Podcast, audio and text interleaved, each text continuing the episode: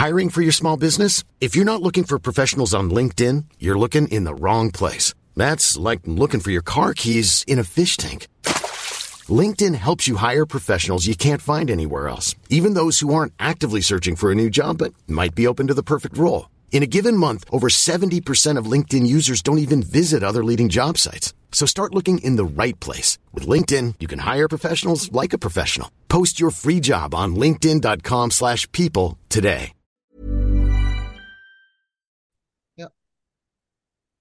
Halo pendengar GGMI Podcast, balik lagi bersama kita berdua dan masih dalam suasana rumor bursa transfer sembari menunggu pertandingan antara Sevilla melawan MU pagi nanti kita akan berbicara satu orang pemain yang banyak orang salah mengira kalau ini bisa jadi anak, keponakan atau bahkan sepupu karena nama belakangnya sama dengan legenda pelatih kita yaitu adalah Evan Ferguson gue tuh sampai mikir kayak ini apa jangan-jangan nih keponakannya Sir Alex ya gitu kan dan dia kan juga dari Scotland ya dan Salah juga Ya. dari Scotland kan jadi Eh, dia dia bukan dari Scotland, man.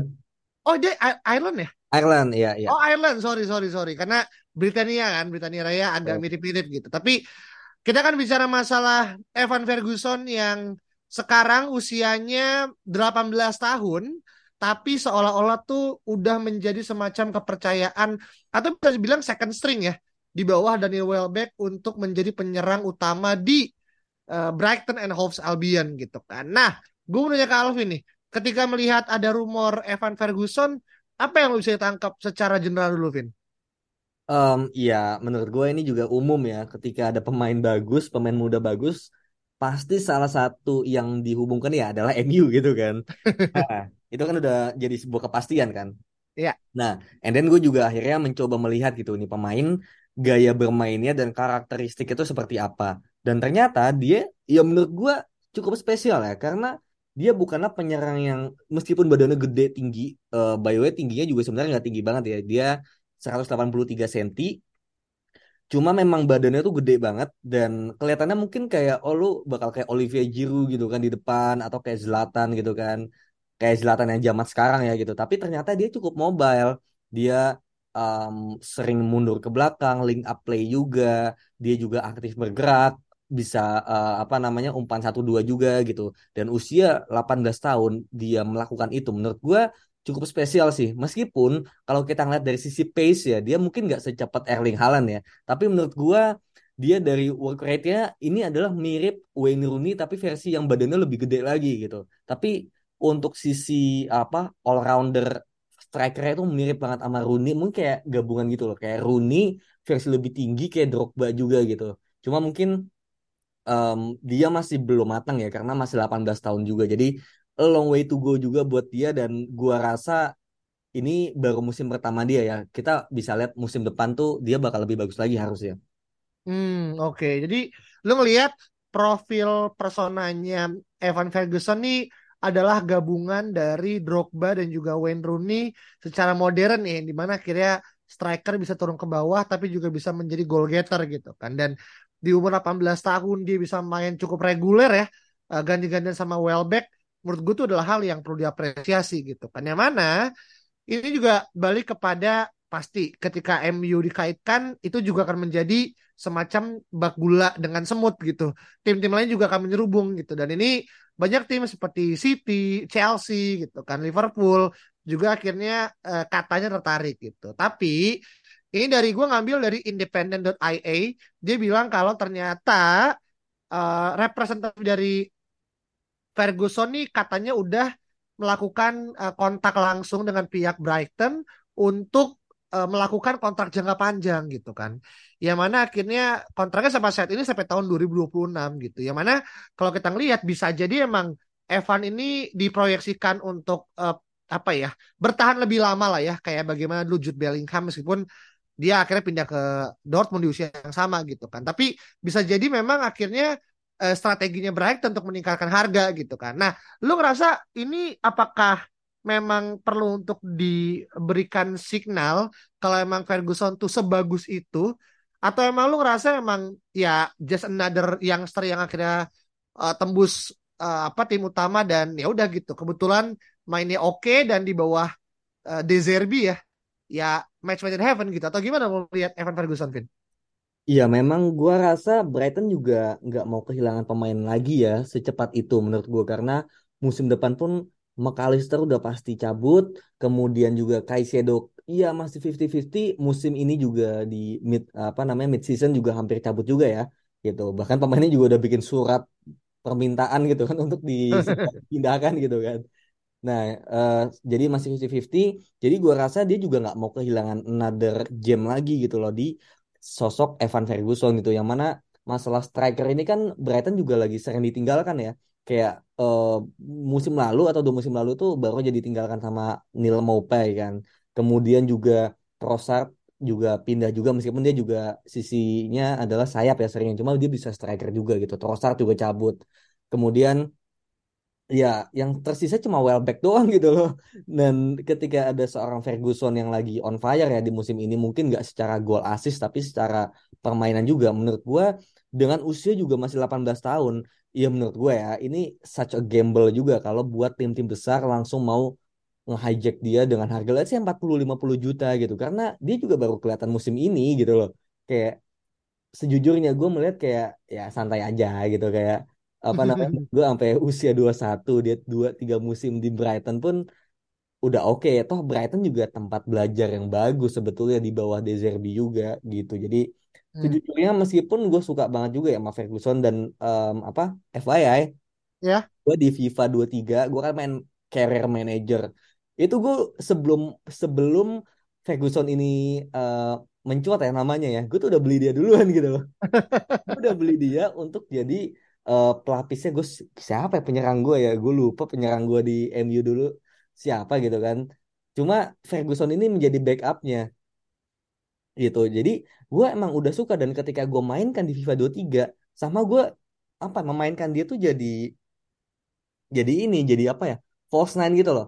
Jadi yang hmm. bukan penyerang yang cuma di depan tapi juga dia uh, apa link up play dengan pemain lainnya di belakang. Dia suka mundur pressing kemudian dia juga bisa bergerak ke sisi sayap juga gitu. Gue memainkan dia seperti itu dan sama bagus. Dia sering cetak gol juga. Ya ini meskipun nggak relevan ya tergantung yang mainnya juga gitu. Cuma ketika gue melihat uh, nama Evan Ferguson ini ada di media uh, belum belum ini banget ya belum bagus banget ya namanya. And then gue juga tertarik dengan dia di game and then nggak lama ternyata dia makin mekar namanya di media sekarang itu sampai dihubungkan dengan MU dengan banyak tim besar lainnya. Sampai dia ingin dipagari sampai mungkin kontrak jangka panjang gitu. Jadi kayak ya ini valid. Gak cuma di gak cuma media yang sampai besar besar namanya. Bahkan gue pun di game juga sampai udah beli si Evan Ferguson gitu loh. Jadi emang ini adalah sebuah prospek sih menurut gue I see, I see. Wah ini berarti nggak hanya di real game ya, tapi juga di fantasy game juga akhirnya Ferguson cukup membuat para developer FIFA merasa ini adalah apa ya bisa bilang future ini ya, future footballer ya.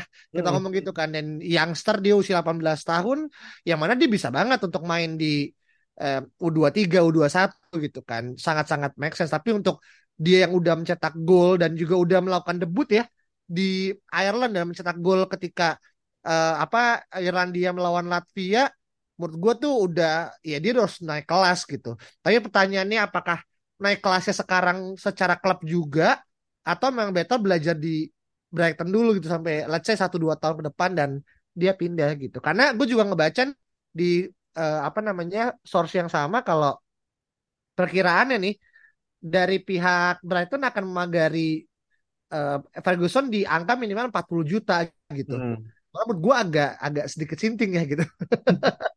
Dan ini gak ada bedanya ketika dulu MU nebus amat Diallo di angka 37 sebenarnya iya. gitu kan. Iya kan? Iya iya iya. Dan, dan itu lebih lebih ngaco lagi sebenarnya. ya karena si Amat Diallo waktu itu belum sempat main kan kalau nggak salah ya baru satu baru dua kali main di kali, ya? itu pun juga substitution yang enggak yang sebagai starter kayak gitu di Atalanta gitu. Iya iya. dan ini udah udah lebih terbukti ya, udah main lebih sering, terus juga di Liga Inggris gitu kan. Iya. Jadi menurut gua nggak bisa apple to apple sama Ahmad Diallo meskipun sekarang Ahmad Diallo juga kalau teman-teman lihat kan juga lagi oke okay ya sekarang di Betul. Sunshine yang nyetak Jadi calon ini ya, calon apa pemain muda terbaik championship ya. Yes, benar kan dan banyak orang akhirnya ngerasa dia untuk tahapan championship mah udah over lah ya, udah udah udah luar kapasitas dia gitu kan. Ya, saatnya sama dia lo latihan di Brighton ya musim depan ya. Nah, itu yang harus kita propose. Jadi semacam kayak trade exchange kan gitu kan. Oke. Um, dan mungkin gua nggak masalah. Contoh gini, kita udah beli striker utama gitu kan. Siapa pun nih Osimhen kayak siapa. Tapi kita juga akan nebus uh, Evan Ferguson dengan kontraknya adalah minjemin dia setahun dulu di sana gitu. Gua nggak ada masalah sebenarnya sih ya. Itu akhirnya ngebuat dia akhirnya memiliki jam terbang, menit bermain selama kita masih punya pemain baru dan juga Anthony Martial gitu. Why not gitu sih. Gua ngerasa Ferguson worthwhile lah. Dan ini juga sebenarnya sejalan dengan ternyata Ferguson juga di ternyata di di apa ya, digemari lah sama technical directornya MU itu adalah Darren Fletcher gitu yang ngebuat Hmm. ya mungkin Fletcher punya misi terselubung ya gitu. Tapi menurut gue sih ya ini adalah pemain yang perlu untuk akhirnya kita jadiin semacam referensi gitu. Nah, ini ada rumor gila ya, menurut gue ini agak sedikit lebih berat karena katanya Tottenham tuh juga akhirnya mengincar kan untuk menggantikan posisi Harry Kane gitu. Dan kita nggak pengen ngomongin apakah uh, Evan Ferguson adalah sosok yang tepat menggantikan Harry Kane di Tottenham, tapi dengan ekspektasi setinggi itu, Vin, lu ngelihat Ferguson sendiri ketika emang misalkan pindah ke klub besar gitu, ini akan mengikuti jejak Jude Bellingham yang semakin mekar atau seperti yang musim eh di episode lalu kita ngebahas masalah Gravenberch yang ternyata justru malah quote unquote ya nggak cuma melempem tapi nggak dapat permainan game time gitu di uh, klub baru kira-kira gimana Vin?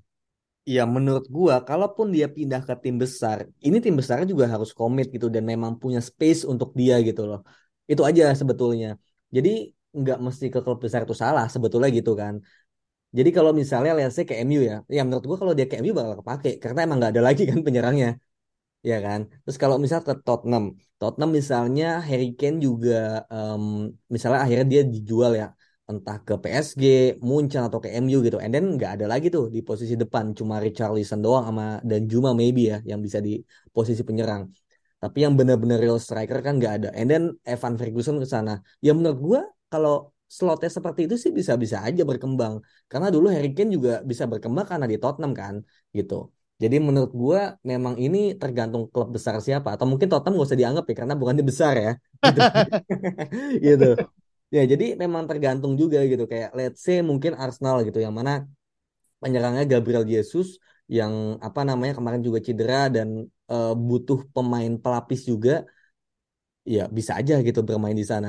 Tapi kalau misalnya timnya seperti Manchester City, let's say ya yang um, Erling Haaland kayaknya untouchable dan iya pelapisnya Erling Haaland ya itu adalah Julian Alvarez gitu yang mana dia kalau nggak di penyerang dia bisa di sayap kiri bisa sayap kanan juga gitu jadi fleksibel nggak mesti menunggu Erling Haaland cedera dulu dia baru main ya kan Iya. dia dia uh, cukup bermain sebagai di kiri bisa di kanan bisa tapi Ferguson kan mainnya di depan doang gitu jadi kalau misalnya ternyata dia pindahnya ke City ya nggak make sense itu bakal mematikan karir dia gitu kayak Hmm. gitu sih menurut gua ya Iya, gitu. iya, iya, Tapi iya. kalau misalnya dia pindahnya ke tim yang memang sedang mencoba regenerasi, mencoba mencari uh, pemain muda untuk menggantikan penyerang yang udah tua atau emang udah nggak ada penyerangnya itu itu menurut gua nggak ada masalah sih.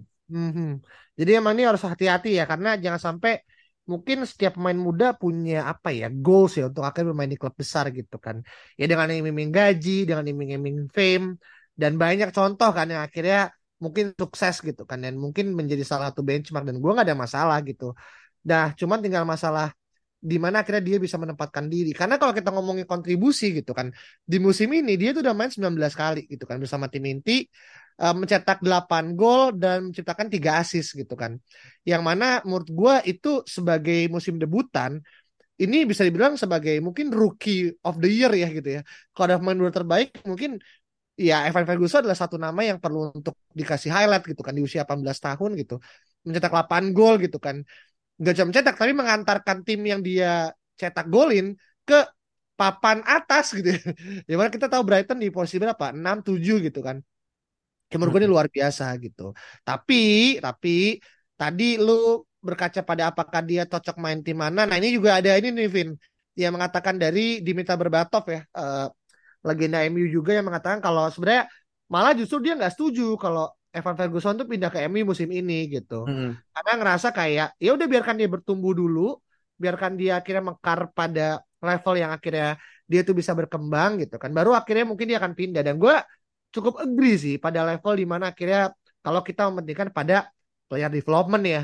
Tapi kalau kita melihat pada klub uh, apa namanya progresif gitu kan, ya tentu kita pengen dia akan ke MU gitu. Tapi kalaupun akhirnya bertahan di Brighton, ya setidaknya Brighton akan main di zona Eropa kan.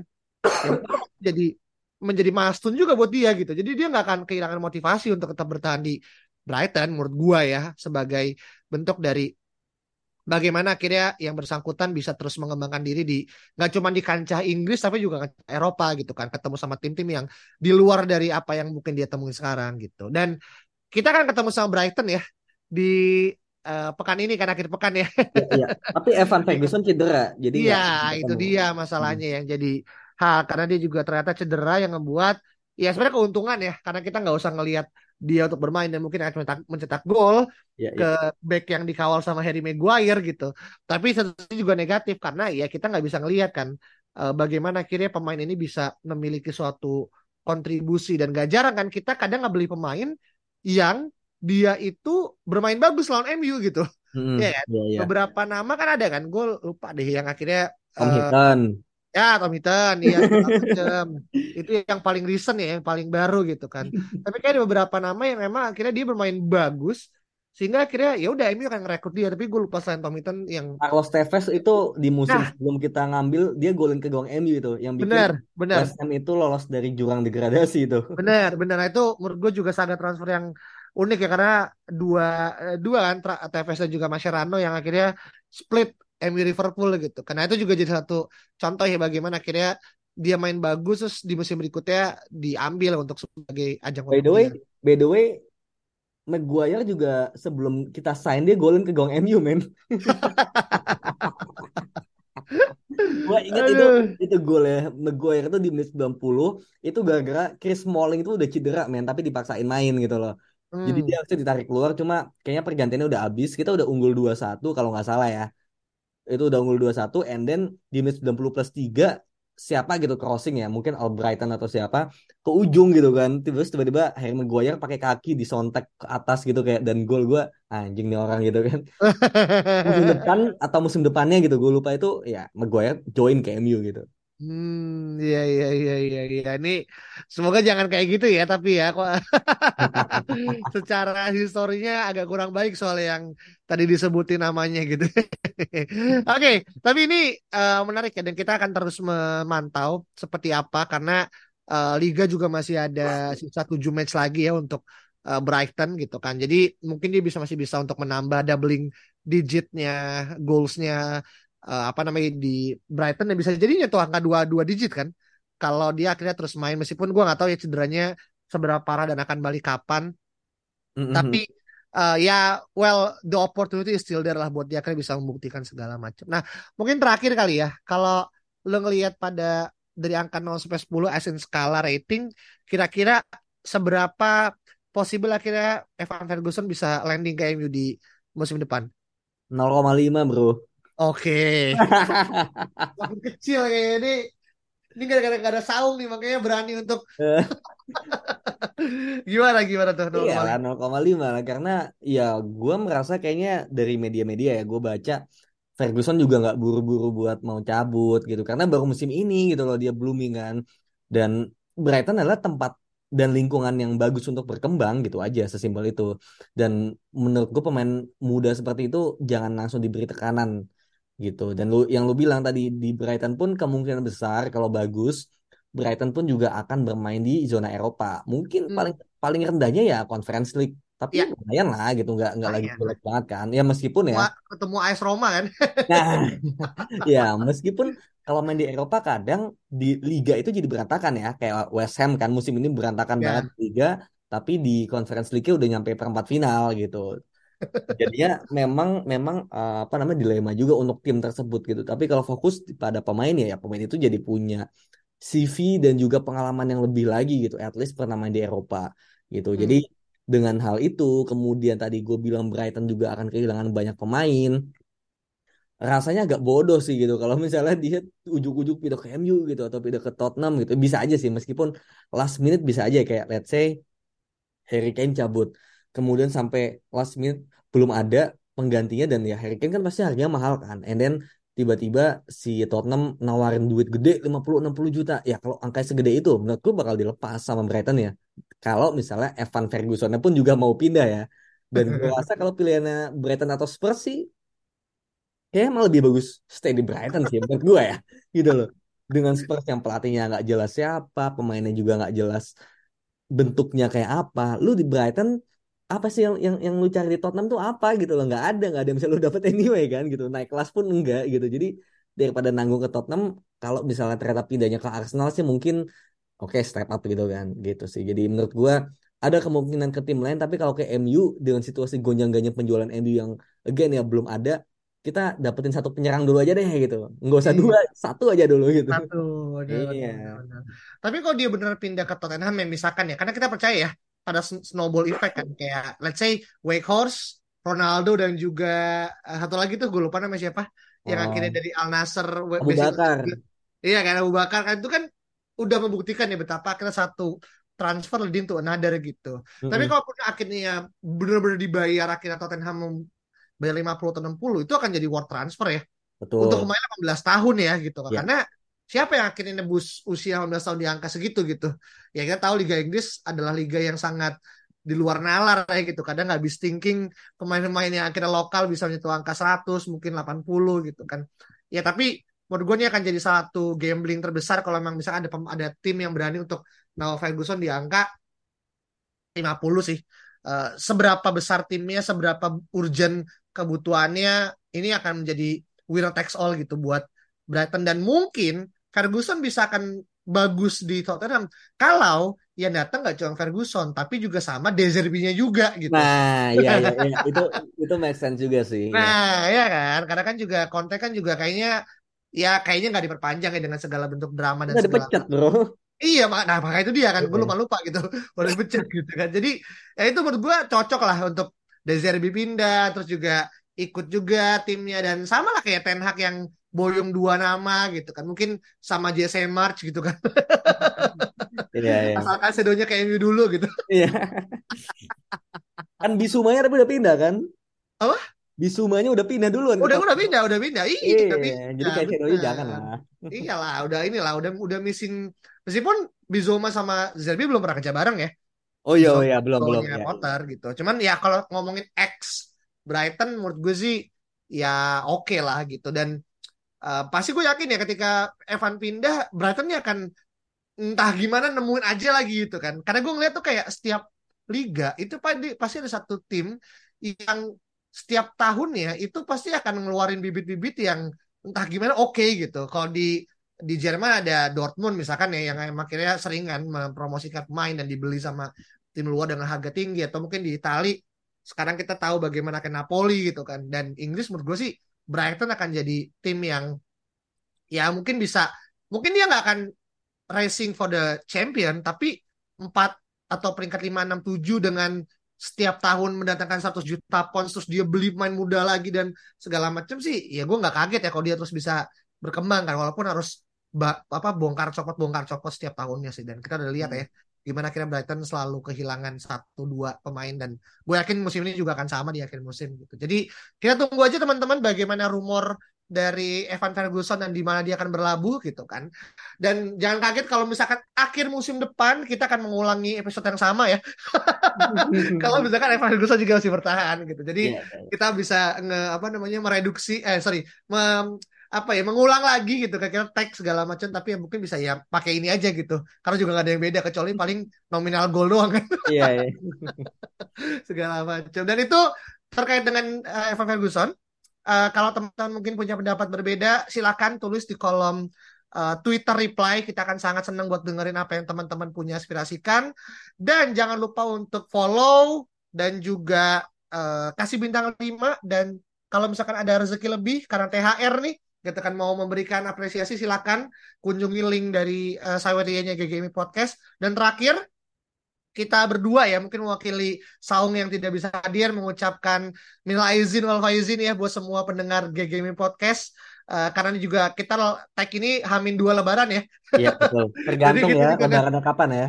Nah iya itu dia gitu kan dan kita nggak tahu besok apakah kita akan tag lagi atau enggak jadi mumpung akhirnya kita ingat gitu jadi kita ucapin dan semoga kita bisa kembali di uh, apa namanya tergantung hasil lawan Sevilla juga ya makanya kita dulu sekarang ya mood lebaran tergantung dari hasil lawan Sevilla dan juga bagaimana kita melihat lawan Brighton ya Karena tuh dua match itu akan jadi match yang sangat penentu bagaimana akhirnya nasib lebarannya para fans MU gitu. Oke, itu aja teman-teman. Kita ketemu lagi pada episode berikut ya. Bye-bye. Even when we're on a budget, we still deserve nice things. Quince is a place to scoop up stunning high-end goods for 50 to 80% less than similar brands. They have buttery soft cashmere sweaters starting at $50, luxurious Italian leather bags, and so much more. Plus, Quince only works with factories that use safe, ethical, and responsible manufacturing. Get the high-end goods you'll love without the high price tag with Quince. Go to quince.com/style for free shipping and 365-day returns.